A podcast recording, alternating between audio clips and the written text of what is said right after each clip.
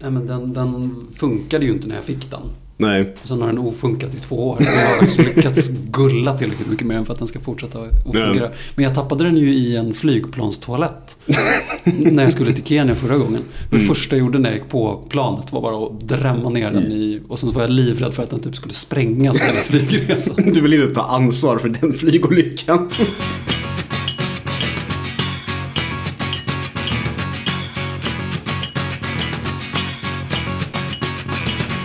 Men eh, vi är tillbaka. Eh, so I've heard. Ja, Mm. jag med. Och eh, här idag är ju då Rasmus och jag Johan.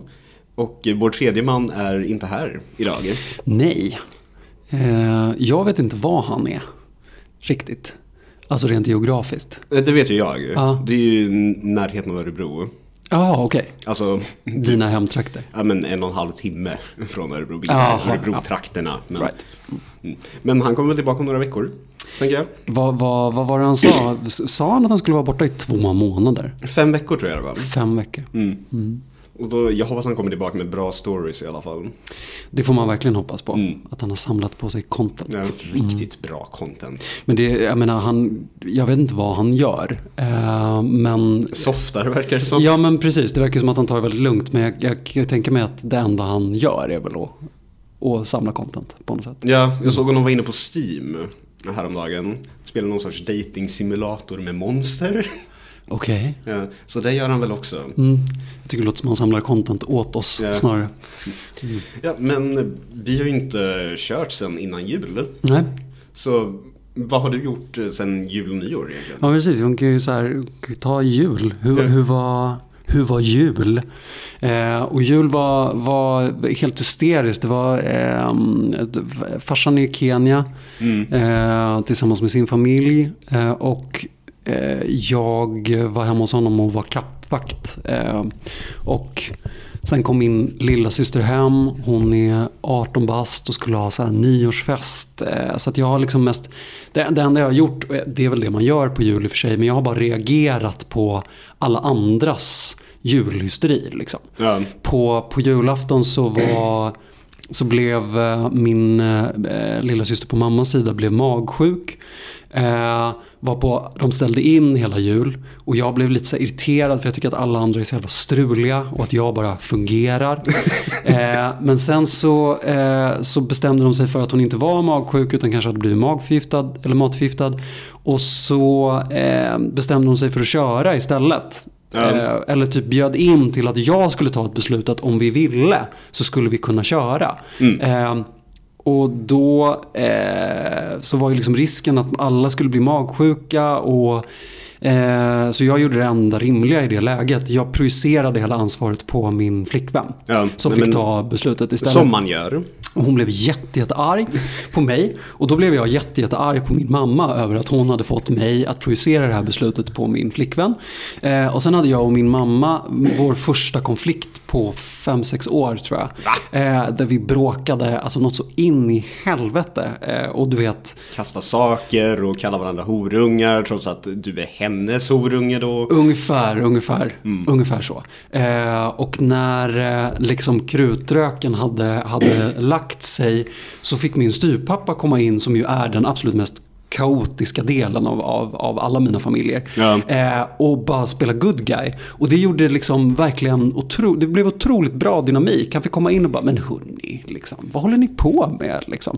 Var det Eh, första gången han var liksom resonlig och kunde medla i hela sitt liv? Nej, nej, han brukar vara det så länge som alla andra är värre än honom. Eh, Men det händer ju aldrig. Nej, det går ju Eh, inte. Precis. Eh, Men, eh, nej, men så att till slut så blev det verkligen otroligt fint och lugnt och härligt liksom, i den här liksom, eh, familjekonstellationen som ju är Norén redan från början i och med att de ju faktiskt skilde sig för ungefär ett år sedan. Ja. Eh, Och vi ska ändå hålla på och fira jul tillsammans. Och, Men ja. är de liksom, har de blivit tillsammans igen eller är det bara att hon tolererar att han är där? Nej, nej, och jag tror att det är nog mer han som tolererar att vi är där. Han har ju liksom, hans familj bor ju i, i, i Stockholm. Morsan är ju från, eh, från Norrland så hela hennes familj är ju liksom i, i diaspora på olika andra ställen. Ja. Eh, hennes pappa har ju bott i Stockholm men flyttade till slut tillbaka då till, till Norrland för, för ett år sedan ungefär och vägrar komma därifrån. ja, men jag förstår honom. Ja. Jag har varit i hans lägenhet, den var väldigt liten. Den var väldigt liten. Ehm, och eh,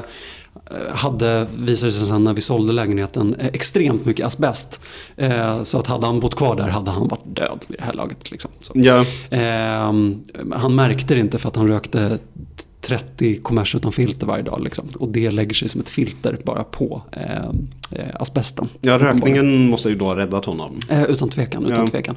Eh, han eh, mår bättre än någonsin som jag har hört det. Nu var det Mm. ganska länge sedan jag träffade honom. Men, eh, men, men vad heter det? Nej, men de, de, de tycker väldigt mycket om varandra, min, min mamma och styvpappa. Men de ska ju inte vara tillsammans. Liksom. Så att den här konstellationen funkar väldigt bra. Men den är ju jätteknasig såklart.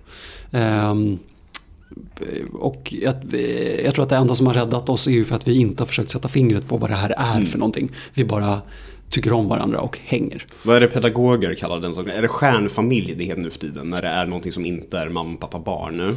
Stjärnfamilj. Ja, jag tror det.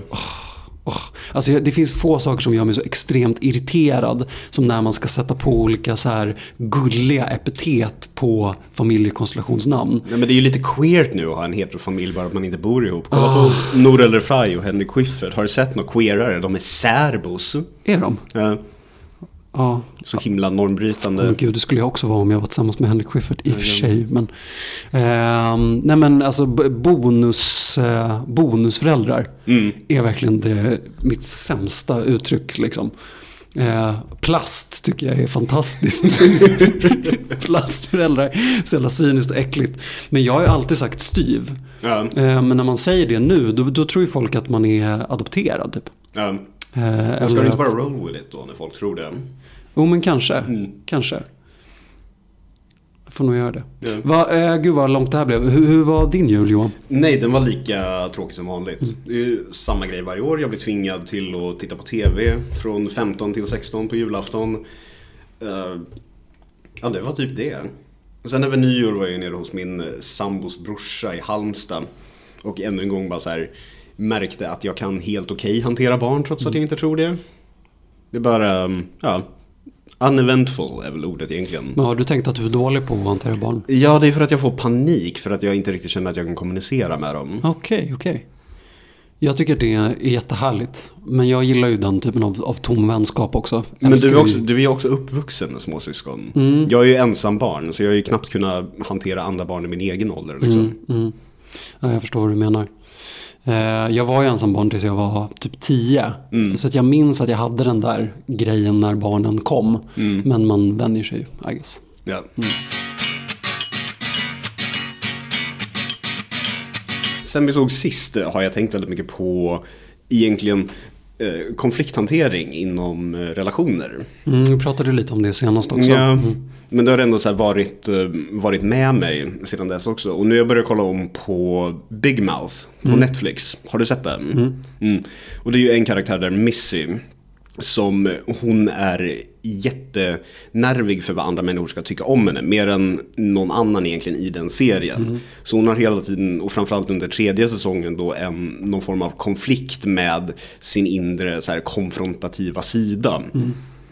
Och eh, det känner jag egentligen är väldigt relaterbart. För jag tror också att jag har det, för jag är typ rädd för att vara arg. Jag, jag kan visa missnöje, men att vara arg ser jag som någon form av så här, en förbjuden känsla från mig. Jag kan hantera andra personers ilska, ish, men inte min egen. Och detta gäller ju också inom relationer till viss del. För då tänker jag ju att så här, minsta lilla grej som inte är så här, helt rak på något vis. Att du bara säger, ah, okej, men nu, I fucked up. Gällande, ja men vad som helst, små saker. B- För mig så är det väldigt mycket en fråga om så här sammanhang. Jag är otroligt trygg av att vara arg i mina nära relationer. Eh, men med, jag vet inte hur ofta jag har varit arg på en kompis. Jag tror att man kan räkna de situationerna på typ en hand. Ja, Ehm, och samma sak på jobb. Eh, Jag är otroligt dålig på att vara arg på arbetskamrater och jag tycker att det är helt omöjligt att vara arg på, på chefer. Eh, vilket jag ser som en, som en av mina största svagheter. Ja. Eh, för, för mig, jag behöver som ett okej för att våga vara arg. Eh, Och du känner att du har det inom relationer liksom? Ja, men lite så faktiskt. För att jag har vuxit upp i, ett, i, en, eh, i olika familjer där Alltså där, inte där problemlösningen är så central utan snarare eh, liksom det konfrontativa och, och ilskan får ta plats. Ja. Eh, Medan på, på jobb så är jag, jag blir helt ställd när folk blir arga på mig på jobb. Ja. Men om folk blir arga på mig i en nära relation så har, jag, så har jag inga problem med att hantera det. Alltså, dels med logik men också bara bli arg rakt av tillbaka. Så att jag bara går rakt in i affekten och blir irriterad på att någon blir arg på mig. Ja. Men, men vad heter det, så, att, så att för mig handlar det nog mycket om det okejet. Ja. Eh, Det var en arbetskamrat som var inne hos mig häromdagen och sa, eh, för våran, våran chef, jag tror att hon är på väg in i, in i väggen. Eh, Och han är, han är nyanställd och eh, har liksom kommit in i en av de mest kaotiska eh, perioderna på den här arbetsplatsen. Och han sa att chefen hade sagt till honom att så här, det är okej att du blir arg på mig. Ja. Och jag blev så jävla svartis. Att jag bara, vad fan, det, är exakt det jag vill höra av henne. För vi har liksom, du vet, jag har inte fått, någon, jag har inte fått min lön i tid en enda gång. Jag har, eh, ehm, i, i, det, jag, jag är inne på min sjätte anställningsform under de ett och ett halvt åren som jag har varit där. Det finns noll kontinuitet. Eh, och varje gång som vi ska diskutera det här så är det som att vi börjar om på noll. Jag skulle verkligen behöva att hon så här respekterade eh, problemet. Att du fick balla ur lite på henne. Att jag fick balla ur lite på henne och att hon gjorde det klart för mig. För jag klarar inte av att ta ansvaret över att balla ur bara av mig själv. Liksom. Nej men det är väl också kanske för att man till viss del känner i den sortens relation som man har med en arbetsgivare att då är man, det är väldigt villkorat liksom. Fast det är egentligen också då att man ska känna inom typ relationer att det inte ska vara villkorat för att man ska känna någon form av egen frihet liksom. Men att just, ja men med en arbetsgivare att det hela tiden är någonting som är på spel och det är ens anställning, det är pengar, det är sånt man behöver. Jo men verkligen. Men hur ser det ut för dig alltså när du blir arg i en relation? Mm. Hur, hur går liksom, hur, hur blir strömschemat? Jag- Alltså jag internaliserar väl väldigt mycket tänker jag. Att så här, jag eh, pratar inte om saker utan så här, jag, jag muttrar inte ens tror jag. Men det har ju också att göra med att jag så otro, får så otroligt mycket ångest hela tiden över saker. För att jag bara så här, är rädd för att jag ska göra fel vid minst, med minsta lilla grej. Så det i sig leder ju till då någon form av konflikträdsla för att man hela tiden, I guess, är rädd för att typ bli lämnad ensam. Att allting handlar om att man ska vara folk till lags hela tiden. Mm, och det handlar ju om att, alltså, det pratade vi om senast också, men så här, aphjärnan sätter ju igång när man blir affekterad. Ja. Och den bristen på kontroll ökar ju såklart risken för att man ska ta ett beslut som inte riktigt eh, eh, stämmer. Ja. Eh, och det kan ju, om man är rädd för att göra fel, bli jävligt läskigt tänker jag. Mm. Ehm, för mig är ju det, jag, jag litar väldigt mycket på min affekt dock. Eh, det är bara det att jag inte, jag, jag är rädd för vad den ska innebära i en sån situation där jag träffar en auktoritär person. Liksom, på ett jobb till exempel. Medan i ett förhållande så är jag rätt säker, tror jag, på att det inte ska innebära att jag blir lämnad ensam. Mm. Eh, ja, ja, jag vet inte. Nej. Men För det blir väl också hela tiden i förlängningen att så här, people policing när man håller på med det för mycket. Att det blir karaktärslöst på något vis. Man, kan, man kan ju egentligen inte hålla på och vara alla till lags hela tiden. Det funkar ju inte. Nej. Men fan, jag försöker. Ja, I do try. jag ser också väldigt mycket upp till människor som är konfrontativa. Ehm, jag, jag, nu har jag precis varit på resa med min, eh, med min pappas familj. Ja. Eh, vilket, det var det första gången jag är ute och reser med dem på, på tio år tror jag. Eller sånt där. Och, under de senaste åren så har min och min pappas relation blivit väldigt mycket bättre. Men det har också gjort att jag kommit lite längre ifrån familjekonstellationen. För att han och jag träffas väldigt mycket på tu man hand. Ja. Så jag träffar väldigt sällan dem förutom i så stora familjesammanhang och sånt där. Eh, Så det här är första gången som jag kommer in i deras familjedynamik. Och de är otroligt duktiga på att lösa problem. Eh, Men de har också en, en, en respekt för varandra som är otroligt svår för mig att acceptera. Eh, Så jag hamnade i så konfliktlösningssituationer ibland där folk lät varandra vara. För att de insåg att det skulle vara Alltså att det skulle vara bättre att inte gå in i den konflikten för vad, vilket bråk det skulle innebära. Ja. Det kan inte jag relatera till överhuvudtaget. Liksom. Vadå, men det är ju fel. du har ju fel. I helvete. Jag hamnade i en situation med min lilla syster när hon, eh, hon ville sola. Ja. Eh, fastän hon hade bränt sig. Och där de, eh, där de hade bestämt att de inte skulle ta i den frågan för att det hade blivit så mycket konflikter kring solbränna. För det är uppenbarligen någonting som de håller väldigt högt. Och, Ja, det lå- låter som ett så ämne som Ja. skapar känslor. och mina systrar är uppenbarligen komplex för att det är delar av min familj som är mycket mörkare och därför mycket vackrare. Eh, och jag kan inte relatera till det överhuvudtaget. Eh, men eh, då be- bestämde hon sig för att sola i alla fall trots att hon hade bränt sig. Och jag bara kände att så här, okej, så, eh, det, det blir helt knasigt att jag ska gå in och starta konflikter med min lilla syster när vi inte haft en konflikt någonsin i hela vårt liv. Ja. Men samtidigt kan jag ju inte bara låta dem vara så här, okej, det blir faktiskt för jobbigt att prata med henne om att hon ska bränna sönder sig. Liksom. Eh, så det var, bara att, det var bara att göra. Det är inte cancerskräck då som driver det till viss del. Alltså för mig är det ju det. Mm. Alltså, eh, och inte för mig själv utan för henne. Liksom. Du vill inte att lillsyrran ska få melanom. Ja men precis. Eh, Men, eh, ja, men det kan jag ta i något annat avsnitt, liksom hela den familjedynamiksprylen. Men det, var verkligen, alltså jag hade sånt jävla ångestpåslag av Alltså en, den, den, den, den nya konflikthanteringen. Liksom. Alltså Ja. att det var att man skulle göra det på ett annorlunda sätt. Och att jag tyckte att mina, ja men min, min pappa och min styvmamma då, att de hade en sån otroligt förslappad attityd till alla faror som fanns i det här nya landet vi, vi var i. Liksom. Ja. En trasig gasspis, en farlig spindel. Eh, min lilla syster som bestämmer sig för att sola fast hon inte borde. Eh, så att, ja men eh, igen, för mig handlar det väldigt mycket om att liksom kunna kontrollera en situation för att våga släppa på ilska och att våga ha en konflikt. Liksom. Ja. Eh, för om jag inte vet vad det kommer innebära då är det ju för läskigt liksom, Mm. på något sätt. Mm. Ja, men sagt, jag har ju inte alls det där och det är väl till viss del också för att det kanske inte kommer från en hemmiljö där det bråkar speciellt mycket utan alla får hela tiden väldigt mycket göra som de vill.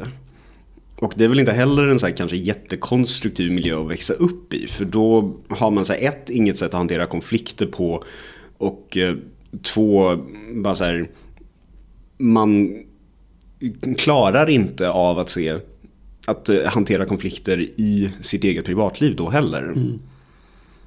Men också den här förväntningen på att här, något eventuellt kan leda till en liten konflikt. Det är så här, jag klarar inte av det överhuvudtaget. Det är bara så här, den eh, vikten som den, den eventualiteten leder till. Det, är bara, det blir för mycket för mig.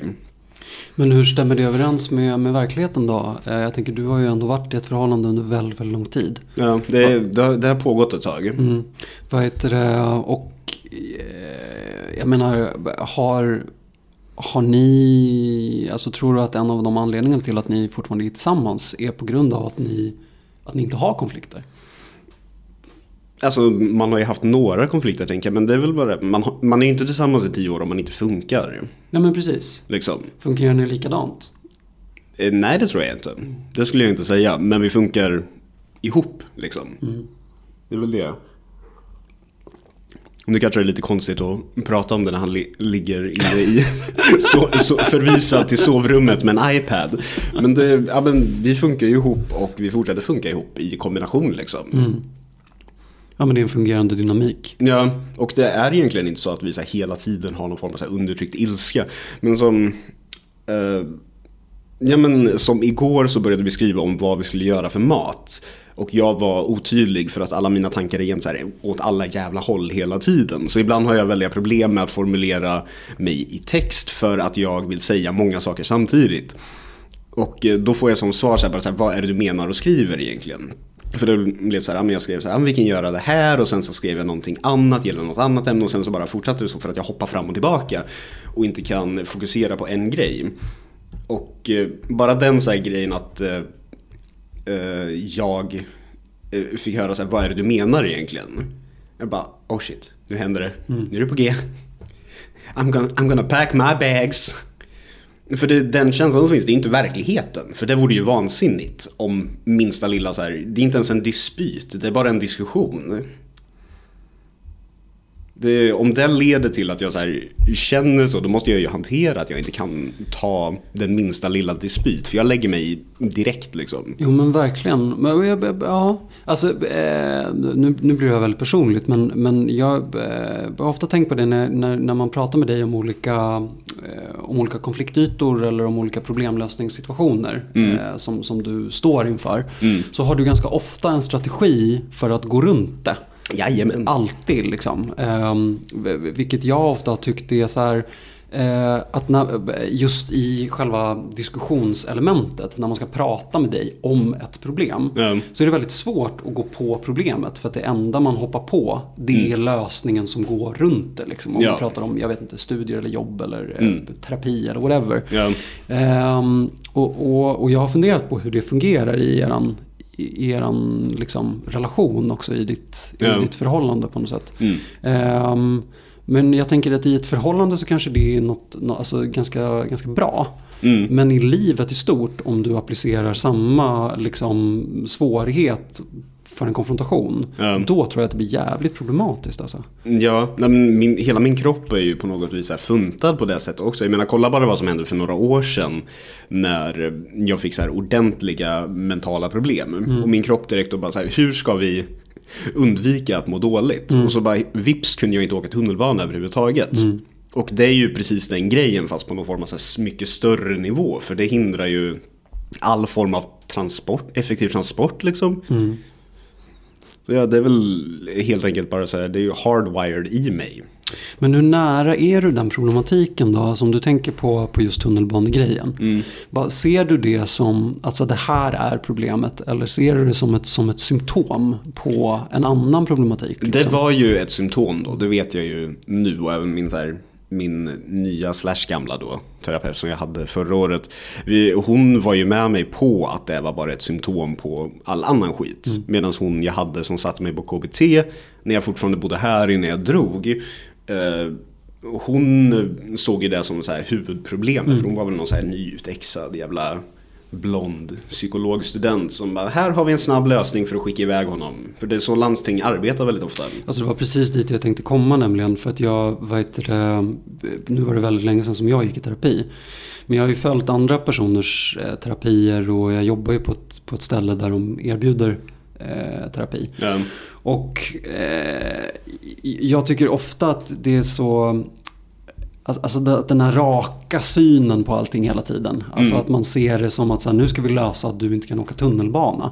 För mig blir det helt världsfrånvänt. Jag Ja. blir så himla stressad av eh, nu, eh, Det är sätt att angripa ett problem. Ja men precis, Nej, men nu du är på väg att, att sälja ut min tjej men jag, jag tänker att det kanske inte är någon fara att jag säger att hon har, hon har gått i terapi en del. Mm. Och jag menar vi har ju pratat om anledningar till att hon går i terapi i oändliga eh, mängder tid. Mm. Men så när en terapeut kommer och ska försöka lösa en så här, ett, ett delproblem genom att bara totalt attackera det. Så blir jag ofta helt så här, jag, jag, blir, jag blir otroligt provocerad av den grejen liksom. Du bara gå med henne på nästa möte, vad fan håller du på med? Ja men det, det nästan Det här är min liksom. tjej. Ja, nej men bara så här, för, för, för mig är det så, det, det blir så konstigt att liksom, jag menar för vad ska jag egentligen Ja, samtidigt så jag menar det är ju klart att det vore skitbra om du kunde åka tunnelbana. Mm, men det kan jag ju nu. Ja, nej men precis. Så att jag menar om man löser det problemet så har man ju fortfarande löst en, en aspekt av det som Ja. kanske är jätte... Och det, jag menar det kanske är så man löser konflikter och problem. Ja. Det är bara det att jag inte kan relatera till att man Alltså till att, att hantera konflikter genom att komma på ett, ett sätt att gå runt dem hela tiden. Ja. Eller problem i terapin eller whatever. Med att, att, att, att inte angripa problemet direkt. Liksom. Mm. Men det kanske bara är, är, det kanske är för att jag har gått för lite i terapi. Eller för att jag inte har haft den typen av problem som har, där själva beröringen av problemet har varit problemet i sig. Liksom. Jag vet inte. Nej. Nej men det blir väl också, jag förstår ju nu när jag har ändå haft väldigt mycket att göra med så landstinget och dess terapi så förstår jag verkligen behovet av privatterapi. För det är också, när du sätter in dina egna pengar på det sättet så kan du, du kan ju fortsätta hur länge som helst. Ja. Så här, psykoterapi eh, kanske så är kontroversiellt men jag förstår ändå grejen för att man har, det blir en fast punkt. Det är inte så här, nu är det tio möten och sen ska du ut härifrån. Utan så länge du ger dem pengar så kommer du kunna ligga på den där divanen och prata om hur du råkade se din pappa naken när du var två och hur det har format sen dina svårigheter att binda dig till kvinnor typ. Mm, mm. Menar hellre någon sån skit än typ KBT. Jag är ju, jag är ju KBT-motståndare. Ja, jag är ju verkligen både och på något mm. sätt. Um, jag, jag, jag, har ju märkt att KBT funkar väldigt bra. Liksom. Dels på min arbetsplats men också hos mina, mina nära och kära. Mm. Uh, utan för mig, det, det, det, är mer angreppssättet som jag... Men, men det handlar ju väldigt mycket om att jag inte för, jag förstår inte riktigt. Liksom. Jag, förstår inte, jag förstår inte funktionen. Jag pratar ju ofta om att jag vill, jag vill ha en så klar, ett klart strömschema. Jag vill ha att så här, berättelsen ska ha en början, mitten och slut. Nej. Och med väldigt mycket av KBT så känner jag att jag inte kan... jag, jag, fattar inte historiestrukturen liksom. Ehm, men eh, jag menar om det, om det hjälper en så kanske. Men det handlar ju också om att så här, min, min bild av, av terapi handlar ju... Eh, jag brukar ofta säga det till personer som jag umgås med. Mm. Som går i terapi. Att man inte ska längta efter att bli klar. Nej. Utan att man får se det som liksom, ja, men en längre process. Och, och, det handlar inte om att bli frisk och sådär. Men lik förbannat i, i min, mitt, mitt förhållningssätt handlar ju fortfarande om att det ska finnas någon slags, någon slags mål. Eller delmål eller, eller något sånt där. Eh, och den här liksom direkt kontakten som KBT erbjuder med problemet där man liksom tar delproblemet och, och, och fokuserar bara på det. Mm. Eh, och mindfulnessar sig ur det. Mm. Eh, jag menar det, eh, det är ju egentligen mycket mer så här lösningsorienterat mm. och, och det gör ju att Trots att då man inte fokuserar på, på det, stora problematiken i sig eller på att man ska lösa ut knuten som, som människa. Mm. Så är det ju fortfarande kanske det som gör att man får eh, möjligheten att, att, bara fungera. Ja. Eh, och det kanske är det, att jag aldrig haft problem att fungera. Att det är därför som jag, som jag har så svårt att relatera mm. till det. Liksom. Min förra terapeut som jag hade senaste vändan, hon hade ändå en rätt så spännande approach. För den var inte helt landstingsaktig. Vi gjorde liksom en timeline från så här födseln till nu på mig. Och sen så gick vi igenom den. Mm. Och så formativa händelser. Och eh, ja, men försöka så komma till bukt med så här, varför reagerar du så här på det här? Och sen så kunde man liksom dra det till vissa händelser eller händelsemönster. Mm. Och det fick ta den tid det tog, sa hon då. Sen så visade sig att hon har förflyttat sig till barn, barnpsykiatrin nu. Ungefär en månad efter att hon eh, och jag hade haft vår sista session. Så ja, det, hon kanske ändå inte såg något slut på det. I don't know. Nej. Men eh, det var ändå ett skönare sätt att angripa min specifika problematik på än att bara så här, nu ska du göra det här tio gånger den här grejen och sen eh, hejdå. Mm. Ja, nej, men jag förstår det. Framförallt om man har problem med, med liksom direktkontakten och sådär så kan det ju vara otroligt viktigt med ett, så här, ett fullskaligt narrativ. En, ja. Eller en, en liksom, ja men att du får att du får se din egen historieberättelse. Liksom. Ja. Gud, det här är ju verkligen killgissningsfest. Jag kan ju alldeles för lite av det här för att egentligen eh, säga. Det jag tror att du har känt tillräckligt många vrak i dina dagar för att i alla fall ha någon sorts kvalificerad gissning gällande saker och ting. Men det är ju verkligen också därifrån all min kompetens kommer. Får jag andrahandsinformation från knäppon jag känner.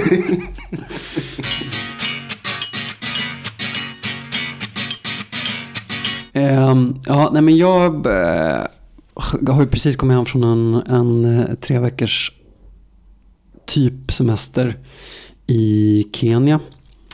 Eh, där jag som sagt var med, min, eh, eh med, med, en av mina familjekonstellationer som jag inte har varit ute och rest med så mycket. Eh, och det, var, det var väldigt spännande och lärorikt och, och, och skitjobbigt. Alltså. Framförallt första tiden så visste jag verkligen inte vad jag skulle göra av mig själv. Och jag hittade inte min egen roll. Och så här, är jag vuxen? Är jag ett barn? Ehm, jag, jag, tyckte det var, det var knasigt. Och att så här, det, det, det, uppstår också så himla mycket problem i det där eh, ganska skruttiga landet ibland eh, med eh, farliga djur, eh, folk som kör packade, eh, eh, olika så här, betalnings situationer som är så här jävligt struliga. Är det och ett så här, kontantland eller? Alltså det är verkligen ett, alltså det, det är ett kontantland. Sen har de också någon så här super hypermodern version av Swish som heter M-Pesa som är helt eh, de har liksom sidelinat bankerna totalt. eh, och det, det får så väldigt mycket medial uppmärksamhet och sådär.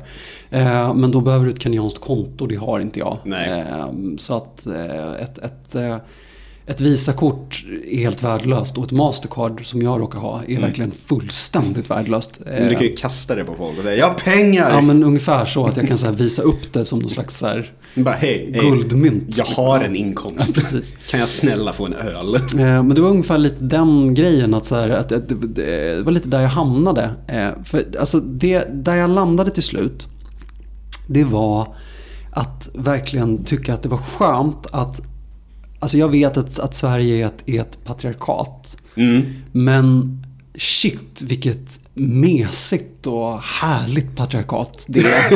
Eh, så jävla tryggt på något sätt. Eh, ofta i, när man börjar diskutera så här, män och mäns roll i ett patriarkat och sådär så brukar man ju ofta eh, ta upp att, att vi också mår ganska dåligt av att, av att vara i ett patriarkat. Ja. Jag tycker också ofta att man hör röster där man pratar om unga killar som eh, som som samhällets liksom eh, mobboffer. Alltså Mm. som att det är ingen som gillar dem. Det är ingen som, som vill ha dem och ingen som tar dem på allvar och sådär. Och jag har aldrig kunnat relatera till det. Och jag vet inte om det är för att jag har haft något så märkligt sexuellt kapital som kommer från att jag råkade ligga rätt i tiden under en väldigt kort period när det var väldigt viktigt för mig att göra det. Mm. Men jag kände mig aldrig utsatt som, som ung kille. Nej. Varken så åsiktsmässigt eller maktmässigt eller någonting. Utan jag har alltid känt mig tagen otroligt mycket på allvar och, och sådär. Mm. Eh, och jag har alltid trott att det beror på att jag bor i ett, i ett patriarkat. Mm. Men nu när jag har varit i, i Kenya och när, när jag, eh, jag säger liksom semester inom situationstecken för att jag har ju varit där och, och jobbat en del också. Eh, för att min familj driver ett sponsorprojekt så att vi har åkt runt och betalat massa skolavgifter och sådär. Och varit på massa möten med personer som är liksom ganska mäktiga i de här communityna. Olika så här borgmästare och hövdingar och rektorer och Ja. eh, politiker och, och sådana där personer. Och herregud vad jag har varit maktlös. Alltså jag har liksom inte haft någonting att säga till om. Eh, som, som son till en person som har makt. Det vill säga min pappa som har någon, någon konstig status där. Mm. Antar jag ekonomisk. Eh, i, I det här communityt. Ja. Att bara stå bredvid honom har gjort att jag har varit liksom Alltså jag har varit fullständigt osynlig. Ehm, och folk har liksom Folk har bett mig att hålla käften i, i olika lägen. Liksom när vi har så här, ja, men så här, jag, jag har varit med och, och samlat ihop pengar till olika personer och, och ändå försökt och så du vet dra mitt strå till stacken på något sätt. Ja. Ehm, men, eh, men, men alltså, eh, fan det, det, det, det är någonting annat att, att liksom vara i ett patriarkat där liksom den patriarkala strukturen i sig har ett helt annat värde. Ja. För jag har aldrig känt att min, att min pappa har, har större makt än, än mig egentligen. Här liksom i I Sverige. Sverige. Alltså jag har aldrig känt att han är liksom, jag menar vi är ju båda medelklass. Utan jag har alltid känt mig ganska, ganska jämställd med honom. Mm. Ehm, även om han kanske har så här mer pengar än mig och har råd att köpa lägenhet eller whatever. Mm. Så har jag ändå aldrig så känt att samhällets syn på oss har varit särskilt, särskilt olika.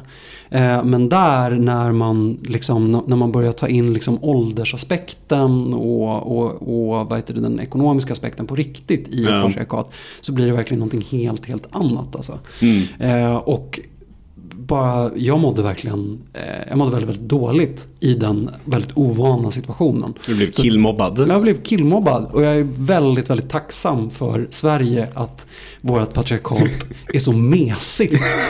Att jag har fått det spelrum jag ändå har fått som ung kille. Liksom. Ja, här ber ingen dig hålla käften Alltså- och det är fantastiskt Jag tror skönt. faktiskt ingen någonsin har bett mig att hålla käften. Alltså hur dum jag än har varit liksom, så har det snarare varit att klappa mig lite på huvudet och vara såhär Jag gillar gubben. Jag gillar tokiga jag är pojken." lite tokig. Jag har läst en bok. Jag tror han kan uttala sig.